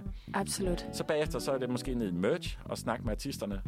Øhm, nogle gange sælger de merch. Mm. Andre gange har de folk til at sælge merch for sig. Det er især de store stjerner, der gør det. Selvfølgelig. Men hvis man er lidt smart øh, ved, en, øh, øh, ved et spillested, så ved man, hvor kunstnerindgangen er. Så kan man øh, stille sig Okay. der bagefter. Og de bliver som regel øh, backstage en time eller to. Øh, der er et tidspunkt, hvor de bliver smidt ud. Øhm, Okay. Mm. men øh, ofte så forlader de stedet tidligere frivilligt. Men Ja. ja. øh, hvis man står der, øhm, og der ikke er for mange folk, mm. Så når I kommer ud, så har de måske lyst til at snakke selv de helt store øh, Ja. stjerner. Det har de måske ikke altid. Øh, men, Men det kan man, muligheden er der. nogle gange så lyver spillestedet også lidt. Øh, men, men man skal altid respektere, om de har lyst til at snakke eller ej. Og det kan man se på dem, ikke? Så man giver mm. dem noget afstand. Øh, står lidt på afstand. Man, man står måske ved sin vinyl, man vil have signeret. Man kigger pænt på dem og er sødt. Og hvis de har lyst til det, så kommer de over og siger hej. Ja. Og hvis de ikke har, så er det fint. Det er meget vigtigt at respektere deres grænser, fordi at de er jo på tur, og de er meget udmattede og den slags ting. Men hvis de har lyst til at sige hej, så kommer de over. Især hvis man står i front row og sunget med og givet den gode vibe, så har Ja. de nogle gange Ja, lyst til at selvfølgelig. så siger de, oh my god, I saw you in, in the front row. We were talking about you. You, you made our night tonight. You made us so happy. Og så står man der, you make me so happy. Ikke? Og, Åh, det er så så får man et dejligt. billede med dem og den slags ting. Og det, det er så, man har en god koncertaften. Hvor er det Ej, er dejligt. det fedt. Jeg føler mig i hvert fald sådan ret godt klædt på til, at, øh, at vi på et tidspunkt snart skal front row sammen. Skal vi ikke det? Ja, det front skal vi. row. Det lyder i hvert fald mega Det er en fedt. aftale. Og jeg håber også, at øh, alle jer derude er bedre klædt på. Og så vil vi bare gerne sige mega mange tak, fordi du havde lyst til at komme og snakke med os i dag, Jonas. Det har Ja. været en stor fornøjelse. Ja. Øhm, men den bedste måde, føler jeg i hvert fald, man kan sende folk ud af døren på, det er lige ved at spille et lille stykke musik. Ja, så vi vil du introducere det aller sidste. Vi skal have FVN med stunt. Jeg så hende her i går i Pumpehuset. Det var Fedt. Fantastisk. Altså, hun kommer der med girl power. Hun er empowered. Hun er badass. Hun er en af Danmarks allersejeste rappers. Hun synger på engelsk, og hun er... Hun lyder ikke dansk. Hun lyder så international. Ja. Og det er så sejt, og hun er badass. Hun er sexy. Hun er everything. Og jeg, jeg elsker hende meget højt. Kæmpe stjerneenergi, og øh, den sender vi simpelthen jer ud af døren. Så tak for i dag. Ja, tak for Hej, i hej. dag. Her kommer Stunt med FVN. Velkommen tilbage her i studiet. Det er onsdag formiddag. Du lytter til Manfred. Vi er lige kommet tilbage efter et mega fedt interview. Øh, hvordan var det at lave interviewet, Sofie? Det har været mega fedt, synes jeg. Det har været sjovt at høre om en andens oplevelse med at gå til koncerter. Og opleve, altså sådan opleve at høre hans fortællinger sådan first hand. Fordi Jonas er vild. på den fedeste måde. Han har virkelig nogle sjove historier, og han har virkelig meget sådan personlighed og glæde og passion for det her med at gå til koncerter, som bare er... Ja, det er bare vildt at opleve og høre om. Man kan bare se sådan glæden lys ud af øjnene på ham, når han fortæller om det. Så øh, ja, det har sgu været, øh, det har sgu været fedt. Mm, ja, han havde virkelig nogle vilde historier for nogle øh, fede koncerter, lyder det til. Mm. Øh, og selvom man ikke er super fan, kan det godt være, at man alligevel har haft nogle oplevelser til nogle koncerter, man tænker bare var super fede. Øh, har du været til nogle koncerter, hvor du bare tænkte, det var mega fedt? Ja. Yeah. Mm, jeg tror, at en af mine yndlingskoncerter har været øh, fra i år, hvor jeg var på Roskilde Festival. Øhm, og jeg så Sao Paulo. Øhm, det er et band, jeg kun havde set én gang før. Jeg havde set dem i år til fredagsrock i Tivoli, hvor de spillede... Øh, det var sådan, det var både dem og Patina, der spillede, hvor jeg var sådan, ej, det er fedt, fordi det er sådan, det er sådan lidt up and coming danske kunstnere og sådan noget, synes jeg bare er vildt nice. Øhm, jeg tror måske, at første gang jeg hørte den, blev jeg nysgerrig. Da jeg så hørte den på Roskilde, som var anden gang jeg hørte den, var jeg hooked. Altså sådan virkelig bare lyttet til deres album på repeat. Øhm, når jeg ikke lige ved, hvad jeg skal lytte til, så er det dem, jeg lytter til nu. øhm, virkelig bare været totalt kæmpe fan af det. Så det har været, øh, ja, det er fedt. Nu har jeg faktisk lige booket billetter til endnu en koncert med dem til december. Så tredje gang i år. Så øhm, ja, det har altså gjort noget, øh, gjort noget for mig, det der, tror jeg. Hvad med, hvad med dig? Har du øh, en ekstra fed eller ekstra interessant øh, koncertoplevelse? Noget, der skiller sig lidt ud? Altså, jeg tror, en af de fedeste koncertoplevelser, jeg har haft, øhm, har været, da jeg var på Grøn i Mm. Aarhus. Og jeg kan ikke huske helt præcis, hvad år det var, men vi hørte Scarlet Pleasure, yeah. og vi stod helt foran. yeah. Og det var, stemningen var bare virkelig fed. Og selvom det, altså det stod ned i stænger, altså det regnede bare, og man stod bare der, og, men man kunne bare overhovedet ikke mærke kulden, fordi man bare altså, havde det så fedt, og yeah. hele publikum var bare on fire, altså det var bare mega fedt, nice. og de spillede bare alle de der bangers, man kendte, og det var Ja. sådan, det var virkelig en fed oplevelse. og jeg tror også, det der gjorde det, var også det der med sådan, at at publikum også bare, altså alle andre også var bare mega på, og, sådan, og selvom det var Mhm. lortevejr, og man stod der og altså, var gennemblødt, altså, så gjorde det bare ikke noget ved den der fede koncertstemning, der Nej. var. Altså, Fuck, hvor fedt. Ja. Jeg kunne godt forestille mig, at de var et sjovt band at se live også. Altså sådan, var der meget gang i dem på scenen, eller hvordan Ja. var det? Helt, helt vildt. Altså, det, det, tror jeg, det, der, det var det, der gjorde det der samspil også mellem bandet, som bare stod og havde det Ja. Yeah. pissefedt altså sådan på, på scenen, og så også publikum, som også bare var virkelig på. Altså, ja. Ej, det er virkelig sjovt. Jeg har også bare sådan en idé om, at når der bliver spillet What Alive, så går publikum amok. ja. Ej, det var et fedt nummer. Mm. Ja.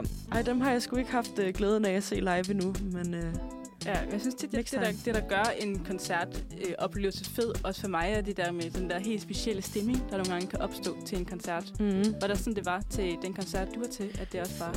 Ja, yeah. jeg føler, at øh, der er blevet skabt noget magisk. Og jeg ved ikke helt, hvorfor. Måske er det fordi, at det var et band, der bare blev booket på en scene, der var for lille til dem. Øhm, det var på Eros, tror jeg, den hed, som var en af de nye scener på Roskilde i år. Og det var til en af, altså det var den sidste opvarmnings dag, så vidt jeg husker. Og det var sådan en af de sidste koncerter om aftenen. Og jeg var bare sådan, vi skal hen og se det her. Vi skal hen og se det her. Det bliver vildt. Og der var bare crowded. Altså, der var fyldt til randen på den plads der. Folk stod som sild i en tønde, men fandt alligevel sådan plads til at stå og sådan, du ved, sådan danse lidt. Øhm, og det var bare... Det, det blev bare fedt, og så havde de bare fed stemning. De store, altså ham forsangeren, han er wild. Han står bare og laver de sjoveste øh, dansemoves på den der scene. Og altså, man kan bare mærke deres kemi deroppe. Og, og så blev jeg totalt betaget af, at de havde sådan... De har et nummer, der hedder Jeg synes, du er dejlig. Og det var bare... Det ved jeg ikke. Det ramte bare lige et sted, hvor jeg var sådan følte mig sådan helt euforisk til den der koncert. Så det var bare... Ja, jeg er jo Fedt. dejlig. Ja, vi er så dejlige alle Ja. sammen. ja, det, den ramte bare lige... Den gik lige ind. Jeg ved ikke, hvad jeg skal sige. Mm. Men øh, når vi nu snakker om musik, så synes jeg måske også, at vi skal høre et lille musiknummer. Øhm, og jeg tænker da, at vi skal høre noget dansk. Så øh, lad os lytte til et nummer, der hedder Ambulance af Søn. Det, øh, det kommer lige om øh, et øjeblik, og så øh, vender vi tilbage med noget quiz Uh. som vi jo elsker her på redaktionen. så øh, ambulance med søn, og øh, så vender vi stærkt tilbage.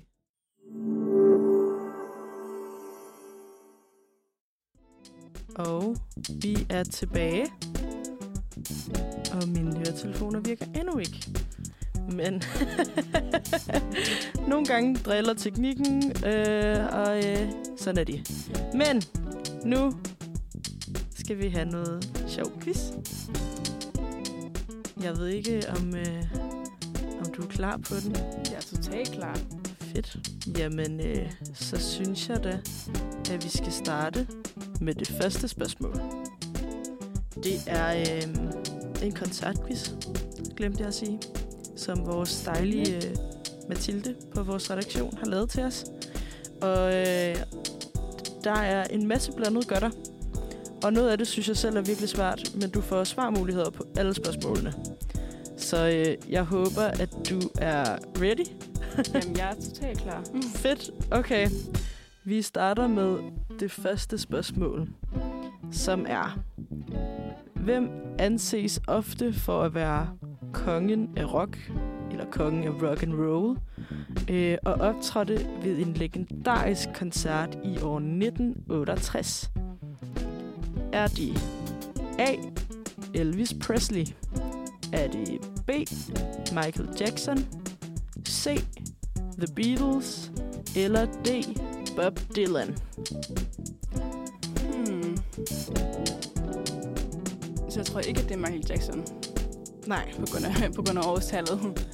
Øh, øh, jeg tror, jeg går med A. Elvis? Ja. Det er rigtigt! Yes. Woo! Så øh, 1-0 til quizzen, eller hvad skal man sige? 1-0 til dig over quizzen. Øhm, næste spørgsmål, er du klar? Totalt klar. Det er, i hvilket år fandt Woodstock, en af de mest berømte musikfestivaler i historien, sted? Og jeg har igen fire valgmuligheder. Er det i A. 1969, B. 1971, C. 1980 eller D. 1992? Et svært spørgsmål, synes jeg. Ja, kan du sige, hvad var A igen? Det var 1969. Hmm. Og jeg har bare, altså ikke næsten lige set dokumentaren, men jeg har set dokumentaren, det ligger på Netflix, Mm. om, øh, om dengang de lavede det igen, hvor det gik galt. Ja. Øh, men jeg tror, den første gang, det blev holdt, det tror jeg, det må være... Åh... Mm. Vil du have mulighederne ja, igen? altså ja, 60'erne var den der. Der er egentlig 60'erne. Ja, der er 1969, 1971, 1980 eller 1992. Så tager jeg 1969. Det er rigtigt. Yes. 1969. The summer of 69. Øhm, fedt. Så har du altså to ud af to rigtige. det er en sindssyg start. Men nu går vi videre til et andet spørgsmål. Som også er svært, synes jeg. Okay, spørgsmålet lyder. Hvilket bands ikoniske optræden fandt sted på taget af Apple Corps i London i 1969? Hmm, okay, den er svær. Ja. Yeah. Vil du have nogle svarmuligheder? Ja. Ja, godt vel. Svarmulighederne er A. The Rolling Stones. B. Led Zeppelin. C. The Who. Eller D. The Beatles. Hmm. Og, hvor du sagde, det var igen? I London på taget af noget, der hedder Apple Corps. Ej, den er, den er svær. Den Ja. er virkelig svær. Øhm, Jeg føler, at det er sådan lidt en udelukkelsesmetode. ja. Så jeg tror ikke, det er The Beatles. Mm. Øhm, det kunne godt være The Rolling Stones, føler jeg, der kunne være noget. Er det ikke sådan lidt øh, rocket at holde koncert, koncert på et tag? Eller sådan? Jo. Men er de ikke alle sammen rockbands? okay, det, Jeg det, kender det siger ikke- noget om, hvor meget jeg ved, jeg Ja, ved om, om Jeg kender ikke The Who. Men jeg føler, at jeg kender de andre. åh, jeg tror, jeg går med The Rolling Stones. Okay. Det er forkert. Det var faktisk The Beatles. Ej, typisk. Ej. Ja. jeg ved ikke, om de andre bands er britiske, men The Beatles er jo fra... Ja, de er vel i virkeligheden alle sammen fra øh, Liverpool eller sådan noget. I hvert fald England. Ja, jeg tror, at nogle af dem er i hvert fald fra Liverpool. Ja. As far as I remember. Okay, skal vi lige tage et spørgsmål mere, og så tage et stykke musik bagefter? Yes. Okay, spørgsmålet er... Hvem headlinede den historiske Live Aid-koncert i 1985 for at indsamle midler til øh, sultkatastrofehjælp i Afrika? Siger det der noget Live Aid? Ja. Er det Okay. Queen? ja, ja. det er helt rigtigt. Ja, um, jeg har, jeg har jo... Øh, jeg så, hvad hedder den? Hvad er det nu? Bohemian Rhapsody. Ja, Filmen, så som jo god. åbner med den der ikoniske scene, hvor han står foran Shit. alle de der mennesker. Ej, og han er en vanvittig skuespiller. Hvad er det, han hedder? Og Malik, Rami, et eller andet. Rami ja. Malik, er det Ja. ja. Ej, han er vild. Han, er, han laver altså en god øh, parodi af vores gode, Mm. gode gamle, som jeg selvfølgelig i dette sekund har glemt, hvad hedder. det er jo pinligt. Oh, okay. jeg har også lige glemt det nu. Ja, jeg vender altså lige tilbage med et navn om et øjeblik. Ja. øhm, for det synes jeg faktisk er decideret pinligt. Jeg, jeg kan huske det, om et stykke musik kan jeg mærke. ja. Så øhm, jeg synes, vi skal høre et nummer. Og lad os lige tage et lidt ironisk et, og så sige, øh, vi skal høre et nummer, der hedder I Bet You Know. øhm, af Siri Niel. Så det nummer får vi her.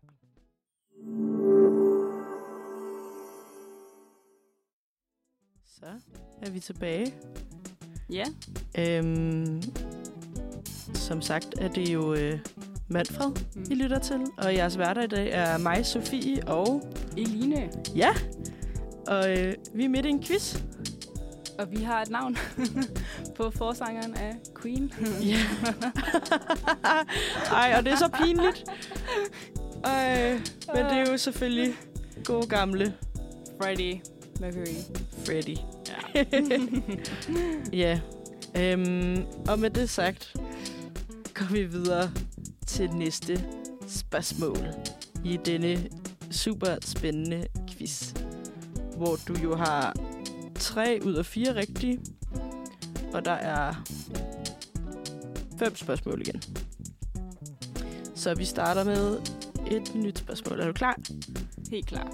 Fedt. Spørgsmålet lyder, Hvilken berømt sangerinde lavede sin Like a Virgin optræden ved MTV Video Music Awards i 1984, som blev en popkultursensation? Er Men- det... Hvad? Har du den? Jeg har den, tror jeg. Ja. Er det Madonna? Ja, Ja. det er. Okay, du kører bare. Vi behøver slet ikke svarmuligheder længere. Ej, men... da jeg hørte Like a Virgin, så var jeg sådan, Ja, Madonna. ja. Det er også en banger jo. Ja.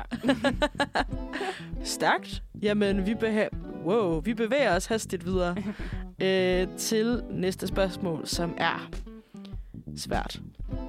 Øhm, I 1991 tiltrak hvilket rockband over 1,6 millioner tilskuere til deres optræden på, og nu kommer jeg til at sige det her virkelig sjovt, Toshino Airfield i Moskva. Er det A. Metallica? Er det B. Nirvana? C. Guns N' Roses?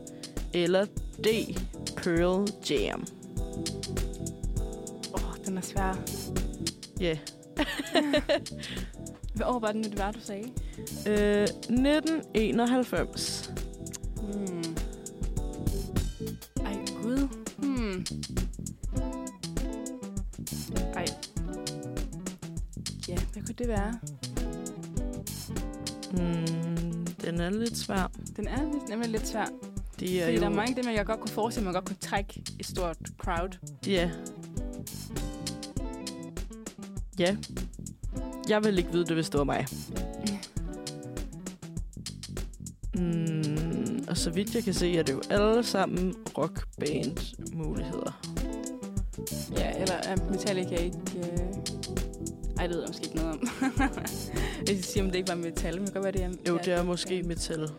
Det er øh, rock, hård rock, Ja. metal, jeg ved det ikke. Det er i hvert fald på det spektrum. Altså, jeg føler, at Guns N' Roses er sådan et band, der er sådan... Jeg ved ikke. Altså, måske også fordi det er det band, jeg kender bedst af de Mm. muligheder. Men, Ja. øh, ja, den er lidt svær. kan du sige, de to andre muligheder, udover Guns N' Roses og Der var Metallica, Nirvana, Guns N' Roses og Pearl Jam. Jeg vil gerne udelukke en for dig, hvis det er. Det må du gerne. Det er ikke Nirvana. Så tror jeg, jeg går med Guns N' Roses. Det er forkert. Ej, Det var Metallica. Ej, jo. Det var også strengt at udelukke en af dem, du ikke diskuterede, faktisk. Ja. Men øh, Og, det er stadig stærkt. Mhm. Du har jo svaret rigtigt på 1, 2, 3, 4 ud af 6 spørgsmål. Det er altså stadig en stærk føring, føler jeg. Så øh, lad os springe videre til næste spørgsmål. Og vi fortsætter altså lidt i øh, rockkoncerterne her. Spørgsmålet er, den første rockkoncert, der blev afholdt ved det romerske Colosseum i 1971, inkluderede hvilket berømt britisk band? Er det A. Led Zeppelin, B. The Who, C. Pink Floyd eller D. The Rolling Stones? Og der er jeg jo allerede blevet snydt af, jeg troede The Rolling Stones var amerikansk. Men... Ja, ja. jeg synes, den her quiz, den, den bliver sværere og sværere. Ja, jeg er nok lidt mere en, en, en pop-pige, tror jeg. Ja. End jeg er sådan en, en rock-pige. ja. Øhm.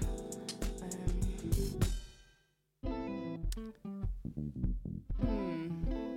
Ja, de sidste par spørgsmål her, de er lidt, øh, de er lidt hårde.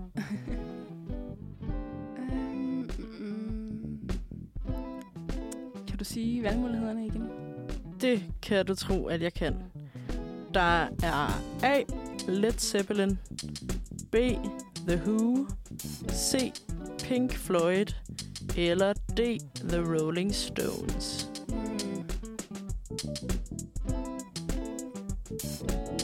Så igen vil jeg gerne have, at det er Pink Floyd, fordi jeg sådan selv godt kan lide Pink Floyd. Mm. Men jeg kan også godt forestille mig, at det måske var lidt Zeppelin. Mm. Og kan jeg, kan jeg få lov til at få udelukket en igen? Ja. Jeg vil gerne være lidt mere hjælpsom den her gang. og sige, det ikke er Pink Floyd. Okay. Så svarmulighederne er igen A. Led Zeppelin, B. The Who, så jeg C, eller D. The Rolling Stones. Men så tror jeg, det er lidt Zeppelin. Ja, Ja, Det er rigtigt. Yes. sådan.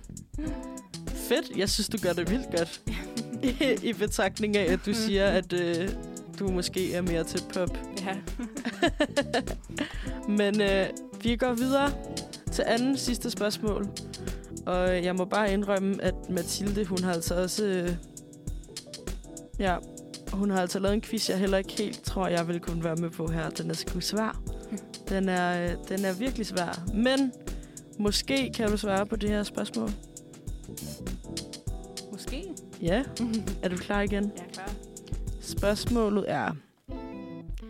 Det ikoniske musikshow MTV Unplugged blev berømt for sin akustiske optrædener. Hvilken kunstners MTV Unplugged optræden inkluderede hittet Tears in Heaven? Er det A. Eric Clapton B. Nirvana C. Pearl Jam eller D. R.E.M. Hmm. Ja, altså sangtitlen siger mig ikke lige noget. Um, Ej, det er et nummer, min far spillede, kan jeg huske.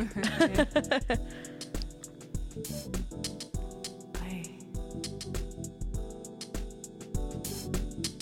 Jeg føler, jeg føler, at jeres sværheden den er bare steget de her spørgsmål. Ja, Vi startede nemt ud, og nu er, vi, nu er vi oppe på... Ja. Nu er det svært. ja.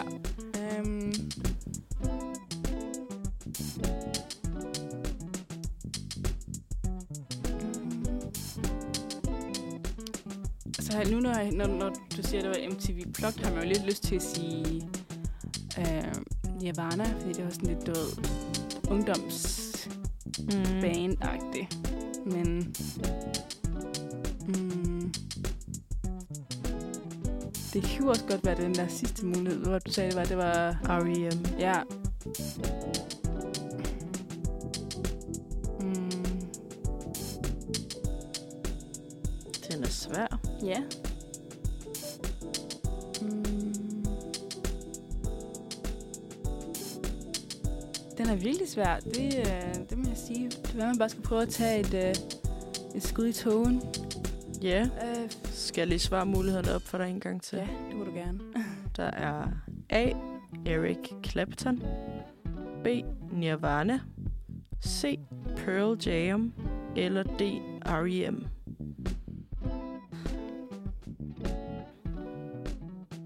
kunne også godt være Pearl Jam. Ej, du med det et, er, øh, jeg et tror, gæt? jeg siger...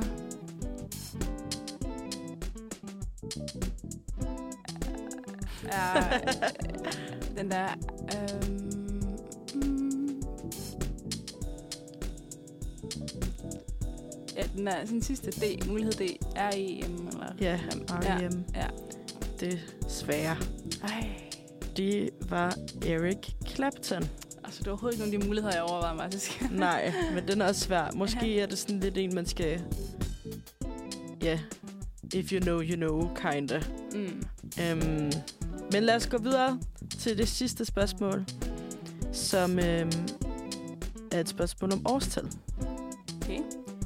Øhm, og jeg kan allerede nu afsløre, at det er nogle årstal, der ligger ret tæt op ad hinanden, som Mathilde har givet som svarmuligheder. Så det bliver ekstra spændende. Men lad os tage den, og så høre et stykke musik bagefter. ja, lad os gøre det. Det sidste spørgsmål her i vores koncertquiz lyder, i hvilket år blev den berømte I Have a Dream tale af Dr. Martin Luther King Jr. holdt under øhm, March on Washington for Jobs and Freedom, hvor Bob Dylan også optrådte live. Uha, Ja. uha, uha, uha. Og svarmulighederne fra øh, det laveste til den højeste, eller fra ældst til nyest, er A. 1963, B. 1965, C. 1968 eller D. 1970.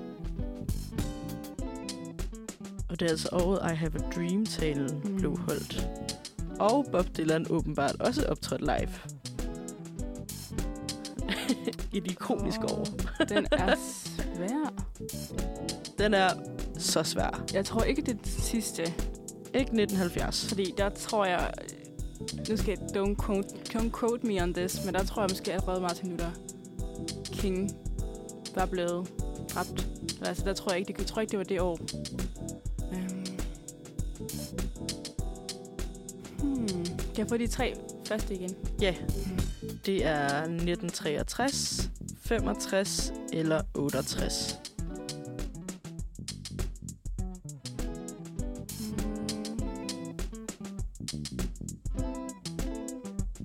Og jeg hælder lidt til enten 68 eller 63. Ja, har Øhm, du en begrundelse, hvorfor? Det siger mig bare noget, fordi jeg kan nemlig godt huske... Altså, jeg har haft omtalen, men jeg Ja. kan ikke lige huske, om det var i 68, eller om det var tidligere. Ja. Øhm, Uha. ej, det er træls. Den er svær. Den er virkelig svær. Øhm, hvad var det nu, øh, B var? Det var... Hov, nu kom jeg til at gå væk fra den. B var 1965. Så 63, 65 eller 68. Så siger jeg... Oh, 68. Ej, det er forkert. Nej! Ej. Men ved du, hvad der skete i 1968? Det var da han døde, ikke? Ja, Ej, det er derfor, det er derfor jeg kan huske det. ja, sådan? der var noget med datoen. Ja. Men det var altså i 1963. Ej, Som det du var lige også den. snakkede ja, om. det var ej, irriterende. Ja, så du slutter altså med en, øh, en score på... Nu skal jeg lige tælle sammen her. 1, 2, 3, 4. Mm. Jeg kan ikke huske, om du fik den her. Hvilken en? Måske skal vi høre et stykke musik, og så vender vi lige tilbage med en score. Ja. Så kan vi lige regne den ud her Spænding, imens. spænding stiger. Ja, Ja. vi, spændingen stiger. Om det var mig eller quizzen, der vandt. Ja. og det er en virkelig spændende, spændende diskussion. Og øh, imens øh, vi lige finder ud af, hvem der, øh, hvem der vandt, Line eller quizzen, så hører vi et nummer, øh, som hedder København K. Øh, og det kommer lige her.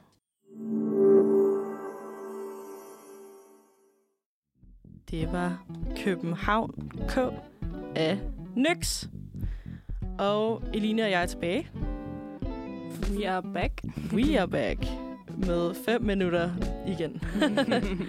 og øh, vi har lige talt pointene sammen. Og det står sådan til, at Eline vandt over quizzen yes. 5-4. Ja, lige, Til dig. lige, på, lige på et hængende hår vandt jeg. Men du har vundet. sejren hjem. Ja, så tillykke. Sådan en lille applaus. Whee. Øh, det var din første Manfred-quiz jo. Mm, Og øh, så er det jo fedt at starte med en sejr. det er rigtigt. Det, det kan jeg komme godt fra start. Ja, ej, hvor dejligt at høre. Forhåbentlig har du også haft en god start på dagen. Det synes jeg. Og øh, det har jo været lidt af hvert i dag. Mest bare koncerter. og øh, en masse spændende historier. Og du har haft din første sender. Har det været okay? Det synes jeg. Altså, det, øh, det har været en, øh, en god første gang. Fedt. Det er jo altid godt Ja. at høre. Vi kan apropos, godt lide- apropos Like a Virgin. Ja. Ej, vi elsker en god første gang. Det, det skal helst være behageligt. ja, det skal det sgu. Ja. Så jeg håber, at du har haft en, øh, en god morgen. Det jeg. øhm, så er der jo faktisk ikke så meget tilbage at sige end tak, fordi I har lyttet med. Ja, jeg håber også, I har haft en, øh, en god morgen derude. Ja, det, øh, det håber vi da. Mhm. Og øh, i morgen klokken 9-11 er der jo igen Manfred. Øhm, og vores dejlige lille redaktion her om onsdagen er først tilbage igen næste uge, hvor vi også har noget spændende planlagt. Måske noget med årstider. Ja. Måske ikke. Hvem ved? En lille teaser. Ja, det vil tiden afsløre. Men øh, ellers er der ikke så meget andet end at sige tak for i dag. Tak for i dag. Og øh, så slutter vi af med et lille nummer af Rør, som hedder Bye Bye. Så det får I her. Rigtig god onsdag.